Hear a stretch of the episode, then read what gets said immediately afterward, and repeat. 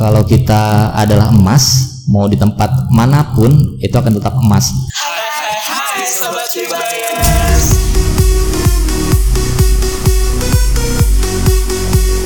Selamat datang di Bakti Business School Podcast.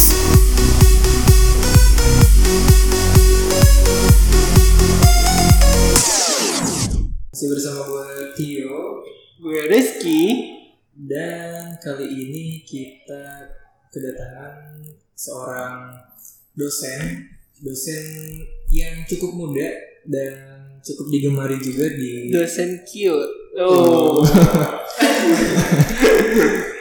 no, no, no. Oke Jadi di sini kita mau ngebahas tentang dosen ini atau tentang apa nih kak? eh, tentang dosen ini atau tentang apa? Tentang apa aja deh kak? Oke, oke. Boleh bapak perkenalkan diri nih siapa nih narasumber kita kali ini? Oke, baik. Terima kasih nih atas kesempatan yang telah diberikan kepada saya untuk sekedar sharing ya, sharing dengan eh, rekan-rekan semua yang hadir dalam acara ini. Oke, jadi sedikit perkenalan dari saya. Perkenalkan nama saya Indrajit Wicaksana. Eh, biasa dipanggil sebenarnya Ajit ya.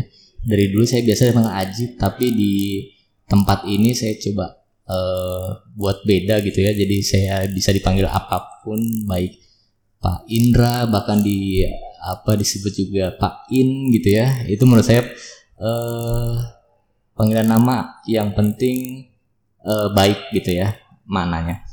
Oke, kemudian saya saya tergolong tadi dibilang muda sebenarnya ya bisa dibilang iya bisa dibilang enggak juga karena ya saya termasuk kelahiran tahun 89 ya. Saya kelahiran 89 jadi usia bisa dihitung sendiri. Kemudian dulu saya eh, setelah lulus saya sempat bekerja sempat bekerja di salah satu perusahaan tapi ada di beberapa perusahaan. Kemudian akhirnya pindah ke eh, dunia akademisi. Karena sepertinya seru gitu ya ketemu anak-anak muda ketemu semangat semangat muda yang sepertinya tidak akan pernah eh, hilang gitu ya karena setelah lulus ada lagi datangnya muda dan seterusnya seperti itu Oke. Wah, tidak muda lagi katanya. 89 masih muda lah ya. Oke. Oh iya Pak, Eh, sebelumnya Bapak itu kuliah di mana sih Pak? Boleh diceritain perjalanan Bapak dari eh, masa sekolah sampai akhirnya bisa kerja di sini gitu. Oke baik, kalau bicara tentang eh, pendidikan mungkin ya dari awal, saya itu sebenarnya cukup eh, menginjakan kaki di beberapa tempat ya kalau untuk pendidikan. Jadi saya dari kecil itu lahir di Dumai, saya dari Riau karena memang ayah bekerja di daerah sana. Kemudian saya SD itu sampai kelas 4 di Ria di Dumai. Kemudian saya eh, kelas 5 SD sampai 6 SD itu pindah ke Serang. Jadi asli orang tua saya itu adalah di Serang, kemudian SMP, SMA saya di Serang. Kemudian alhamdulillah waktu itu pada saat SMA dapat PMDK ya, PMDK ke IPB, Institut Pertanian Bogor untuk S1 manajemen. Jadi tadi udah berapa pindah tempat tuh ya? Kota dari Dumai, Serang gitu ya. Terus eh, ke Bogor. Kemudian saya pendidikan di sana selama 4 tahun. Sebenarnya nggak empat tahun pasti, jadi tiga tahun enam bulan ya, tiga tahun setengah. Saya lulus, termasuk saat salah satu yang lulusan tercepat, tapi IPK-nya sih nggak tinggi ya, karena memang waktu itu cukup aktif di organisasi. Kemudian setelah lulus saya bekerja juga di daerah Bogor karena rencananya sih inginnya balik lagi ke eh, daerah asal gitu ya ke Serang, tetapi tidak ada tempat yang mau menerima gitu ya inginnya jadi putra daerah gitu ya balik lagi ke daerah, tapi ternyata eh, di daerah kurang di eh, ini mungkin ya akhirnya saya di eh, bekerja di daerah Bogor. Kemudian setelah itu pindah kerja ke daerah Jakarta. Nah selanjutnya setelah itulah di Jakarta itu saya bekerja dan perlu sepertinya untuk mengupgrade eh, pendidikan saya dan nah, setelah itulah saya akhirnya eh, melanjutkan pendidikan lagi S2 di Bogor lagi. di IPB lagi di eh, Institut Pertanian Bogor lagi tapi untuk jurusannya adalah agribisnis seperti itu pengen rasanya berpindah-pindah kota seperti itu. Nah, Pak, alasan Bapak ingin menjadi dosen itu apa sih, Pak? Oke, tadi sempat disinggung di awal ya. Jadi eh, salah satu yang ingin em, membuat saya tertarik gitu ya untuk ke dunia akademisi yaitu salah satunya bertemu dengan eh, generasi-generasi muda yang punya jiwa semangat muda dan tidak akan pernah hilang gitu karena terus-terus ada ada regenerasi terus menerus gitu. Dan jika teman-teman lihat juga dosen-dosen itu adalah usianya nggak pernah bukan usianya ya. Usianya pasti bertambah. Tapi semangatnya itu pasti tidak akan pernah tua ya kenapa? Ini ada ada ada penelitiannya bahwa ketika otak itu digunakan untuk terus berpikir maka akan menghasilkan eh, regenerasi otak tuh menjadi baik.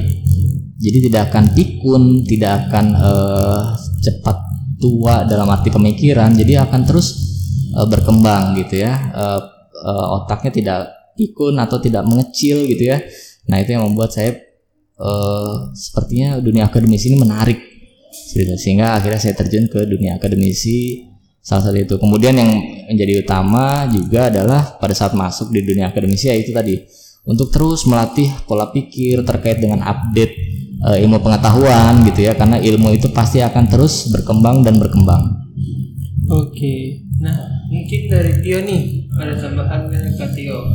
Em, pengalaman bapak nih eh, dalam mengajar di Tribakti ini bagaimana sih pak? Oke, pengalaman mengajar jujur ini baru pertama kali gitu ya.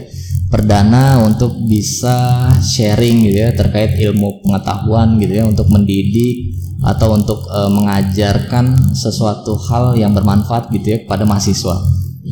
Eh, tetapi yang mendasar ini semua bisa terjadi gitu ya karena dulu mungkinnya pada saat saya menjadi mahasiswa pada saat saya bekerja pun itu tidak hanya diam di balik meja gitu.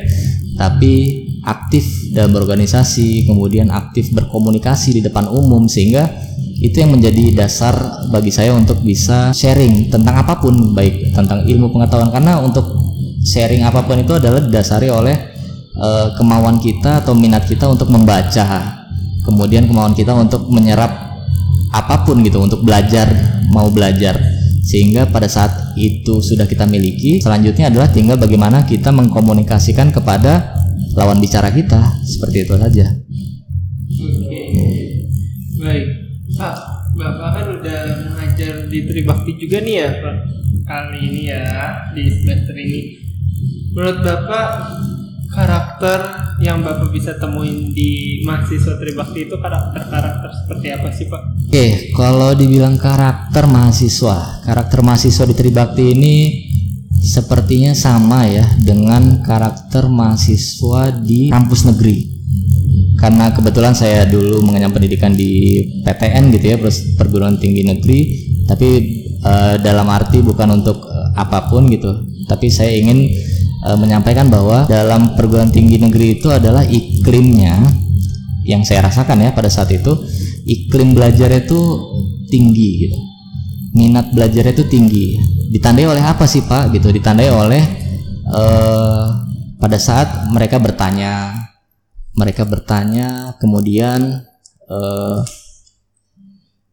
bertemu dengan dosen itu mengetahui gitu tata caranya seperti apa nah itulah yang membuat saya rasa ini sepertinya eh, karakter mahasiswa di sini sangat baik gitu ya tidak kalah eh, saing gitu dengan perguruan tinggi negeri justru sehingga eh, untuk karakter mahasiswa di sini cukup dan atau bisa dibilang sangat sangat memiliki karakteristik yang sebenarnya sudah sudah pantas gitu ya untuk eh, dikatakan sebagai karakteristik mahasiswa yang baik. Oke. Keren sekali ya mahasiswa Tribakti. Mm-mm. Disamakan dengan negeri ya. kita kita itu sama kayak negeri. Jadi kalau misalkan emang kalian mau kuliah kuliah swasta tapi rasa negeri Tribakti namanya ya. Tribakti. Saat ini kan kondisi sedang pandemi ya Pak. Jadi beberapa kegiatan pun dari yang tadinya offline jadi online gitu pak. Nah kita mau nanya nih perbandingan kuliah online dengan offline menurut pandangan bapak gimana sih pak? Baik, kalau untuk kuliah online sama offline. Jadi kalau untuk kuliah secara online itu memang ada hal-hal yang dibatasi. Yang paling utama adalah ketika interaksi. Jadi interaksi antara dosen dan mahasiswa itu sangat sulit apalagi eh, dengan jaringan internet yang mungkin terputus begitu ya di Indonesia mungkin belum cukup memadai ya untuk infrastruktur internet ini. Sehingga ini sangat-sangat berpengaruh dalam proses eh, kegiatan belajar mengajar. Berbeda ketika offline gitu ya kita bisa berinteraksi bertanya dan langsung uh, mengajukan pertanyaan tanpa harus ada jeda gitu. Karena ya mahasiswa tidak bisa memilih gitu ya ketika ditunjuk pasti harus jawab kalau online ya bebas lah ya mau alasannya apa pak lagi apa lagi ini itu itu lumrah dan itu yang terjadi saat ini pada saat uh, kegiatan belajar online. Tapi seharusnya tidak seperti itu juga gitu ya. Harusnya kita semua kalau memiliki jiwa uh, apa ya memahami lah kondisi yang seperti ini maka apa pun yang terjadi uh, online ini hanya fasilitas gitu ya, hanya media sehingga jika komitmen yang sudah dibentuk gitu ya antara mahasiswa dan dosennya dalam kegiatan belajar mengajar maka seharusnya tidak ada masalah gitu. Tapi kalau ditanya bagaimana pengalaman untuk rasanya mengajar online dan offline pasti jauh-jauh berbeda. Seperti itu. Oke, wah berbeda tuh guys. Jadi online ini ada positif dan negatifnya juga ya. Untuk Bapak sendiri, kenapa sih Pak memilih menjadi dosen di Tribakti? Oke, kalau wah ini pertanyaan yang sangat bagus ya. Jadi mengapa harus memilih di uh, Tribakti? Oke, jadi saya prinsipnya begini. Kalau tadi ada kaitannya sama perguruan tinggi negeri ya. Jadi antara perguruan tinggi satu dengan yang lainnya, kalau menurut saya itu sama saja. Gitu ya. Nah, karena yang membedakan adalah terkait dengan usia si perguruan tinggi. Maksudnya apa? Maksudnya eh, jika hanya satu perguruan tinggi atau beberapa perguruan tinggi negeri saja gitu atau perguruan tinggi swasta saja yang dituju oleh ribuan atau bahkan jutaan mahasiswa, calon mahasiswa, maka perguruan tinggi yang lain diisi oleh siapa? Seperti itu. Artinya dari pemerintah pun sudah menerapkan standar gitu ya untuk perguruan tinggi yang satu dengan yang lainnya harus memenuhi standar seperti ini. Nah terkait dengan kualitasnya itu proses gitu ya. Uh, mungkin perguruan tinggi di luar sana ada yang sudah sangat bagus, itu pasti prosesnya panjang begitu ya. Berbeda dengan mungkin di Tribakti yang memang secara umur uh, masih terus mengalami perkembangan dan menurut saya ini menjadi potensi Nah, mengapa menjadi potensi? Potensi itu masih terus bisa berkembang gitu. Contoh nyatanya adalah ketika kita berada di suatu tempat yang sudah mapan, maka peran kita sudah tidak ada di sana. Tapi untuk uh, sesuatu tempat yang memang belum uh, atau masih terus mengalami perkembangan dan ada potensi untuk menjadi sangat baik, maka setidaknya kita menjadi orang yang berperan di dalam pengembangan atau uh, peningkatan dari uh, perguruan tinggi tersebut seperti itu. Nah, Tribuyers dengarkan masukan-masukan dari Indra ini. Pesan apa sih Pak yang ingin Bapak sampaikan kepada mahasiswa Tribakti Business School ini? Oke, baik. Pada prinsipnya kalau untuk jadi mahasiswa menurut saya di mana pun sama. Adalah yang membedakan pada saat mahasiswa tersebut e, memiliki perspektif yang berbeda tapi perspektif itu sebenarnya sama dengan e, bisa dibentuk gitu ya perspektif bisa dibentuk dengan eh, mahasiswa-mahasiswa yang mungkin di luar sana gitu ya jadi kalau ingin menjadi mahasiswa yang baik ya tetap harus punya pandangan dulu bahwa pada saat saya berkuliah di tempat ini maka saya harus menjadi mahasiswa yang berprestasi baik organisasi atau akademiknya juga gitu nah itu semua hanya ada di mindset teman-teman semua sebagai mahasiswa. Jadi eh, kalau kita adalah emas, mau di tempat mana pun itu akan tetap emas. Tergantung perspektif kita uh, menyikapinya seperti apa. Uang yang kita terima adalah 10 juta, tapi jika kita menyikapinya dengan eh, rasa kurang bersyukur maka akan terlihat kurang juga gitu akan selalu kurang gitu. Maka yang dibentuk adalah eh, bagaimana perspektif mahasiswa pada saat berkuliah di mana pun saya adalah emas seperti itu. Jadi ketika lulus pun ya tetap emas bisa bersaing begitu ya untuk di perusahaan-perusahaan yang memang didatangi oleh berbagai perguruan tinggi lulusan perguruan tinggi dan kita seharusnya punya perspektif atau punya motivasi yang kuat gitu ya bahwa saya harus menjadi lulusan yang terbaik di mana pun tempatnya Jika Bapak disuruh memilih, lebih baik mahasiswa pintar atau disiplin, Pak? Wah ini pertanyaan yang sangat mudah ini. Sangat-sangat mudah karena ini saya alami sendiri pada saat saya melamar di pekerjaan. Dan itu dibocorkan oleh HRD-nya. Jadi pada saat saya diterima gitu ya, pada saat sebelumnya saya ditanya eh, dengan pertanyaan sama persis, makanya saya bilang ini pertanyaan mudah gitu.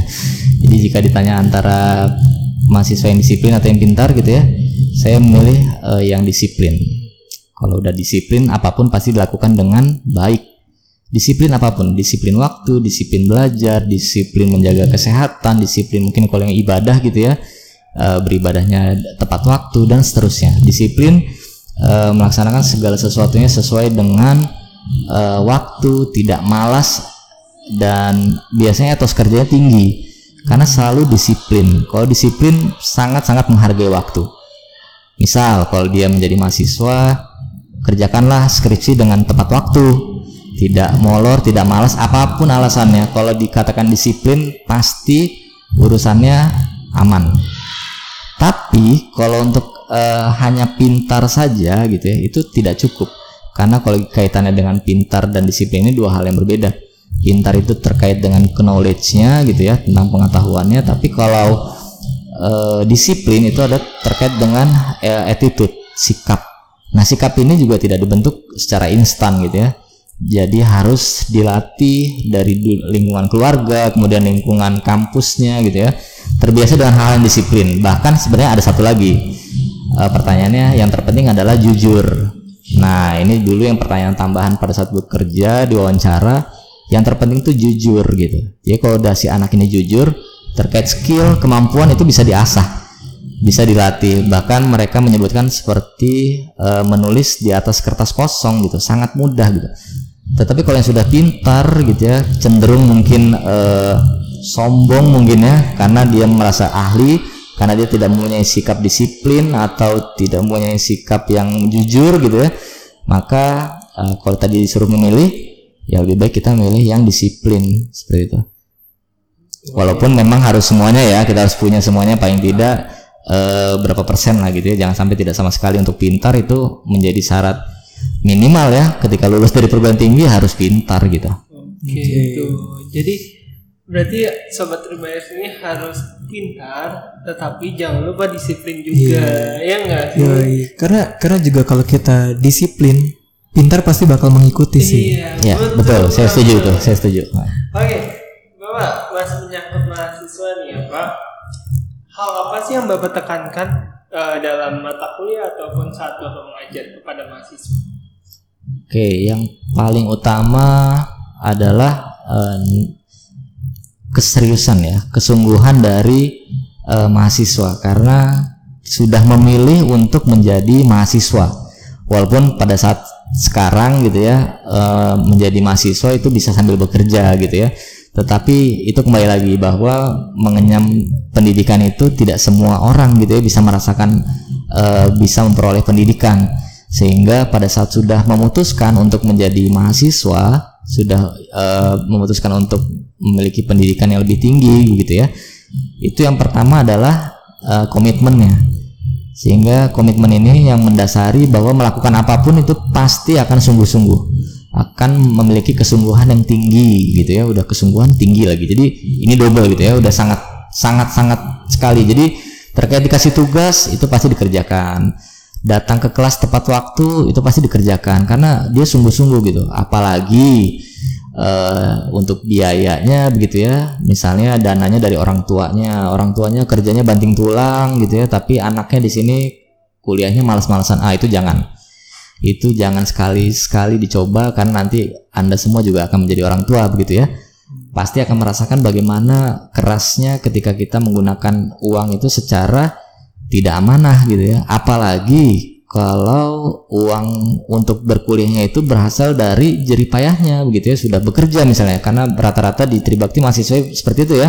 Kebanyakan adalah yang sudah bekerja kemudian uh, berniat untuk melanjutkan perkuliahan lagi. Nah hal ini yang menjadi penting begitu. Kesungguhan itu sangat-sangat dibutuhkan pada saat uh, berkuliah sehingga nanti bisa lulus tepat waktu memperoleh ilmu yang bermanfaat dan bisa bersaing dengan uh, orang-orang di dunia luar sana. Dilihat dari perkembangan zaman ini kan semakin lama semakin maju ya Pak. Nah, um, bagaimana cara Bapak merubah sistem pembelajaran di zaman yang semakin lama semakin maju ini Pak? Oke, jika berbicara tentang perkembangan zaman yang semakin maju berkaitan dengan belajar mungkin ya, ah. itu sangat mudah dilakukan di masa yang serba maju sekarang ini. Berbeda dengan zaman saya dulu, walaupun masih tergolong muda gitu ya, lulusannya saya lahir 89, tapi saya waktu itu termasuk yang uh, untuk menggunakan fasilitas internet adalah dengan cara berkunjung ke warnet. Jadi saat itu saya masih belum bisa memperoleh um, fasilitas belajar dengan sangat baik seperti sekarang ini gitu ya.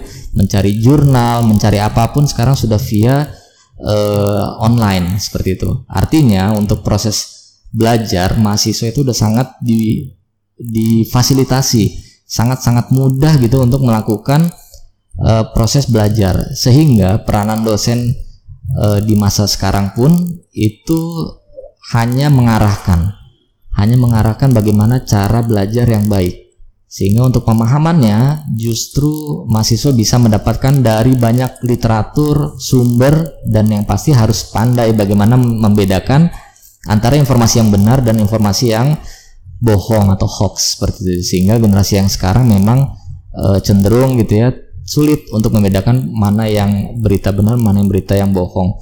Nah terkait dengan belajar yaitu tadi e, segala e, fasilitas terkait e, proses belajar uh, mahasiswa itu bisa banyak sekali mendapatkan informasi atau referensi. Cara Bapak untuk menanggulangi kritikan itu seperti apa sih Pak? Menanggulangi kritikan.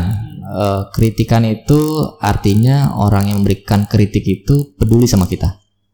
Hmm. Jadi kalau istilahnya anak sekarang jangan baperan gitu ya. Kritik biasa aja gitu kalau nggak dikritik juga emosi juga ini nggak ada yang peduli apa sama saya gitu. Nggak nggak seperti itu. Jadi serba salah ya. serba salah kan anak zaman sekarang. Jadi seperti itu ya anak zaman dulu juga mungkin beberapa ada gitu ya. Tapi yang menjadi poinnya adalah uh, kritikan itu yang orang bilang mungkin kritik yang membangun. Enggak sih namanya kritik kadang suka nyakitin gitu ya. Tapi yang terpenting adalah kita tuh mau mendengar dulu mau mendengar dan zaman sekarang itu harus yang kita sudah harus familiar dengan namanya konfirmasi, klarifikasi seperti itu. Jadi kalau mendengar dari satu arah ya udah jangan baper gitu. Tinggal ditanya aja orang yang ini yang bilang siapa. Oh itu saya dengar dari yang itu. Ah udah berarti udah jelas kan. Berarti ya seperti itu aja. Jadi jangan sampai hal tersebut membuat kita uh, terbatas dalam melakukan aktivitas untuk meraih kesuksesan tentunya ya. Jadi untuk uh, jika ada yang mengkritik, ada yang memberikan saran apa pun, ya terima gitu. Kalau tidak sesuai ya tinggal di uh, delete aja gitu ya, jangan dimasukin ke hati. Tapi kalau memang itu ada benarnya, ya tinggal diperbaiki gitu. Karena manusia itu tidak luput dari kesalahan gitu ya. Jadi harus terus uh, introspeksi diri, terus belajar. Nah, belajar itu kan kadang kita berpikir bahwa belajar itu harus bisa berarti sebelumnya belum bisa dong. Berarti kalau kita tidak bisa ya jangan patah semangat gitu. Itu namanya proses belajar. Dan proses belajar itu bukan sampai empat tahun saja gitu. Tapi terus setelah lulus kuliah berkeluarga bahkan sudah usia lanjut pun terus belajar itu harus terus dilakukan. Bahkan belajar itu tidak harus dari orang yang lebih tua. Bahkan kita bisa belajar dari anak yang baru lahir gitu ya seperti bayi atau bahkan dari lingkungan sekitar kita dari binatang pun ya mungkin kita bisa lihat ya bagaimana kucing mungkin e, merawat anaknya bercandaan dengan bayinya gitu ya bayi kucing gitu ya. Nah kita bisa belajar gitu. Kucing aja punya perasaan dengan e, anaknya. Bagaimana? Nah ini kan proses belajar namanya. Belajar itu tidak berarti harus textbook harus dari dosen tapi belajar itu dari apa pun. Maka kita termasuk orang-orang yang berpikir berarti ya yang mampu mengambil manfaat dari banyak hal. Seperti itu Tuh berarti belajar mencintai itu boleh dong. Lebih dari satu. Eh, gitu kan kita belajar di semua orang. Iya, maksudnya kalau belajar di kalau diputusin ya jangan langsung eh, patah semangat gitu. Berarti kan belajar nih. Besok jangan sampai putus lagi. Ini salahnya di mana gitu. Iya. Nah, itu berarti Introspeksi. introspeksi namanya betul. Jadi- Jadi jadiannya satu, nanti kita belajar lagi sama yang lain, belajar lagi, jadinya tiga gitu. Eh, enggak dong. jadi banyak Jangan dong. Enggak lulus-lulus berarti ya belajar ya. Jangan harus sampai lulus juga gitu. Apa lulus? Oke, ngomong-ngomong lulus nih ya. Bapaknya ini kan udah tidak lagi eh apa ya? Lagi mengecam single nih. Oh, tidak tidak single lagi berkata bapaknya sudah mempunyai keluarga. Pak, saya mau tanya dong, bagaimana cara Bapak mengatur time management Bapak antara menjadi sosok seorang suami dan juga sosok raja? Ini kadang pertanyaannya suka terlalu overload nih. Jadi ya jadi ya pada dasarnya sih eh, menjadi peran apa pun itu tadi ya mungkin kembali lagi pada saat kita tadi pertanyaannya awal adalah terkait dengan disiplin. Ketika sudah disiplin ya berarti bisa mengatur apa pun dengan baik. Baik menjadi seorang suami, kemudian kapan harus bermain dengan anak begitu ya kapan harus eh, membagi tugas dengan eh, sorry membagi waktu untuk mahasiswa bimbingan begitu ya atau membagi waktu untuk eh, ya apa pun lah semua bisa dilakukan pada saat kita mampu em, membentuk diri kita menjadi seorang yang disiplin. Apa pun bahkan waktu itu eh, maksudnya terkait waktu terkait waktu itu bagaimana kita menyikapinya. Karena waktu dalam satu hari kita semua mendapatkan porsi yang sama ya sama-sama 24 jam.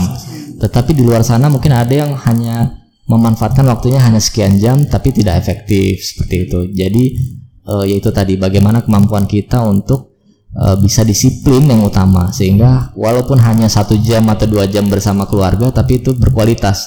Atau yang disebut biasanya quality time ya. Jadi eh, yang menjadi ukuran bukan kuantitasnya tapi menjadi eh, yang terpenting adalah kualitasnya.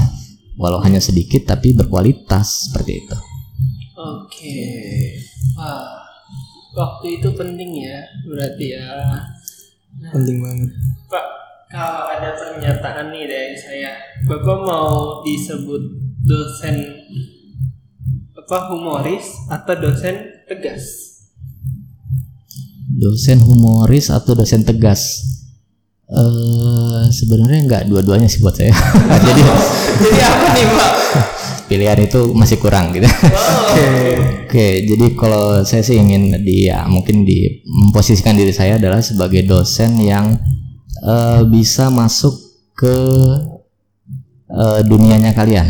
Gitu. Jadi dosen yang eh, karena begini eh, berbeda dengan angkatan saya pada saat saya dulu menjadi mahasiswa. Saya mungkin membutuhkan dosen yang eh, pintar dosen yang apa istilahnya yang benar-benar menginspirasi seperti itu ya.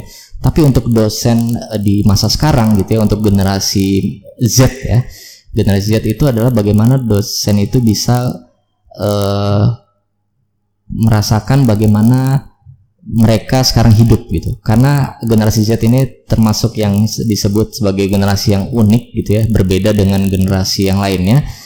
Sehingga dengan cara-cara yang lama itu udah tidak berlaku.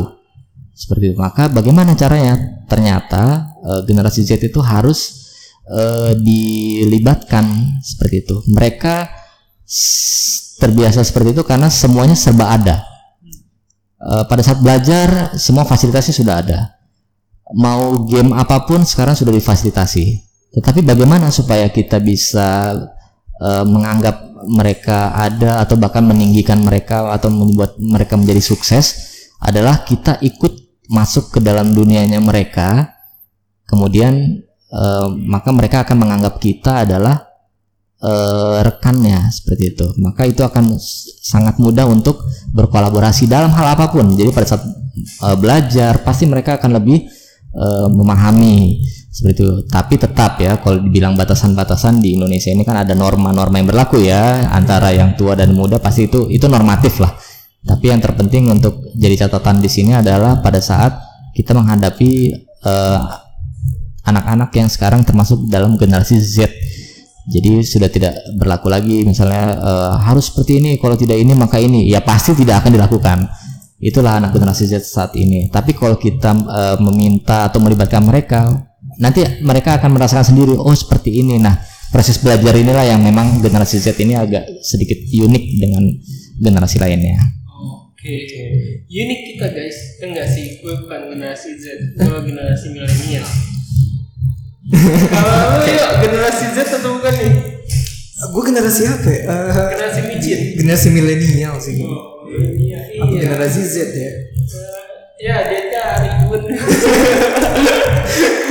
nah, Pak, saya mau tanya nih. Bapak kan adalah koordinator dari program kreativitas mahasiswa juga ya, Pak?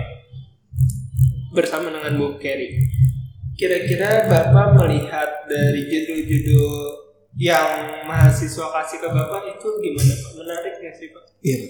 Oke, ya itu salah satu yang tadi saya sempat disam, eh, saya sampaikan di awal bahwa yang membedakan eh, dengan perguruan tinggi yang lain itu ternyata perguruan tinggi negeri ya di, ditekankan itu ternyata tidak jauh berbeda karena memang iklimnya itu ternyata kok sama ya menulis eh, hibah penelitian seperti PKM ya program kreativitas mahasiswa kemarin itu secara ide itu sudah sudah sangat mewakili. Karena memang di luar sana eh, menulis ide seperti itu eh, tidak mudah begitu. Tapi kok di tempat ini juga bisa gitu mahasiswanya. Hanya saja memang ini adalah menjadi eh, awalan ya. Karena sebelum-sebelumnya belum pernah katanya untuk mengikuti program kreativitas mahasiswa ini. Sehingga eh, saya optimis gitu ya untuk angkatan-angkatan selanjutnya yang akan mengikuti PKM ini akan lebih banyak seperti itu. Karena memang secara embrio atau awalannya ini sudah sangat baik. Hanya saja di, perlu dibimbing. Sama seperti bayi baru berjalan begitu ya harus eh, dibimbing gitu diajarkan diarahkan. Dan ternyata bisa loh gitu. Mahasiswa di sini bisa sangat bisa menangkap. Hanya saja ritmenya harus kita eh, perkuat gitu ya. Ritmenya harus dicepatkan lagi dipercepat lagi sehingga eh, mampu untuk bersaing. Karena di dunia ini adalah bagaimana cara kita eh, mempunyai keunggulan gitu sehingga kita bisa bersaing dengan siapa pun seperti itu. Oke, jadi kita harus dari bayi yang bayi yang baru lahir dari puter-puter badan merangkak sampai berjalan, iya nggak sih? Iya, step iya. by step. Step Iya. by step. Oke. Di sini diajarin. Heeh. Katia mempunyai kesimpulan dari beberapa kata-kata mutiara dari Oke. Pak Indrajit. Sebenarnya banyak banget eh, kata-kata mutiara dari Pak Indrajit ini. Yoi. Oke, eh, ada salah satu kutipan yang menarik yang tadi didengar yaitu kalau misalkan kita adalah emas di tempat mana pun kita akan jadi emas. Oh. Dan ke- ketika kita hidup kita harus bisa jadi orang yang berperan menciptakan hal-hal baru untuk sesuatu hal itu gitu. Terus juga attitude itu penting banget dalam dunia ini gitu ya. Attitude attitude pun juga harus dilatih. Dilatihnya itu dari lingkungan, dari lingkungan kita, entah itu lingkungan keluarga, lingkungan pertemanan gitu. Oke, eh, mungkin itu sih dari beberapa hal yang gue kutip gitu. Ada satu lagi kak yang kakak kurang banget Apa tuh? yaitu kritikan itu penting tapi Ah. jangan dibawa baper Oke. dan kan kalau misalnya kritikan itu adalah langkah untuk di mana kita ke jenjang selanjutnya kan untuk menjadi betul lebih betul. baik Iya. nah yang tadi gue bilang dari pacar satu jangan puas satu lagi satu lagi kalau perlu lima enam tujuh gitu eh jangan. Banyak banget. Oke oke oke. Nah sekarang caster kita cuma kita berdua nih kak. Iya, yang lain berdua. ke mana nih kak? Ah, mereka lagi bikin podcast yang lain. Aduh jangan dong. oke.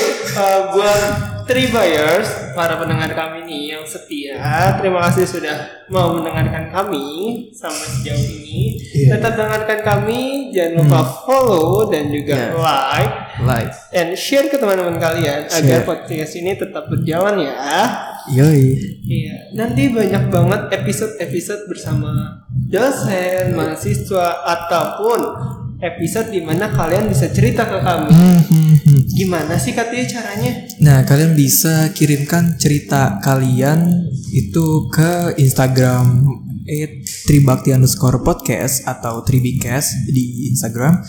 Nah, kalian DM eh, mau cerita apa pun kita bakal bacain di sini. Pengalaman kalian kita bakal bacain di sini. Atau kalian punya masalah dan butuh solusi kita bacain juga di sini gitu. Dan nama programnya apa tuh kak? Nah, nama programnya itu teman cerita. Wah, Iya, kenapa teman cerita? Karena kalian adalah teman-teman yang membutuhkan kami untuk menceritakan hal-hal yang penting oke. bagi hidup kalian. Uh. Jangan banget cuy, jangan. Oke.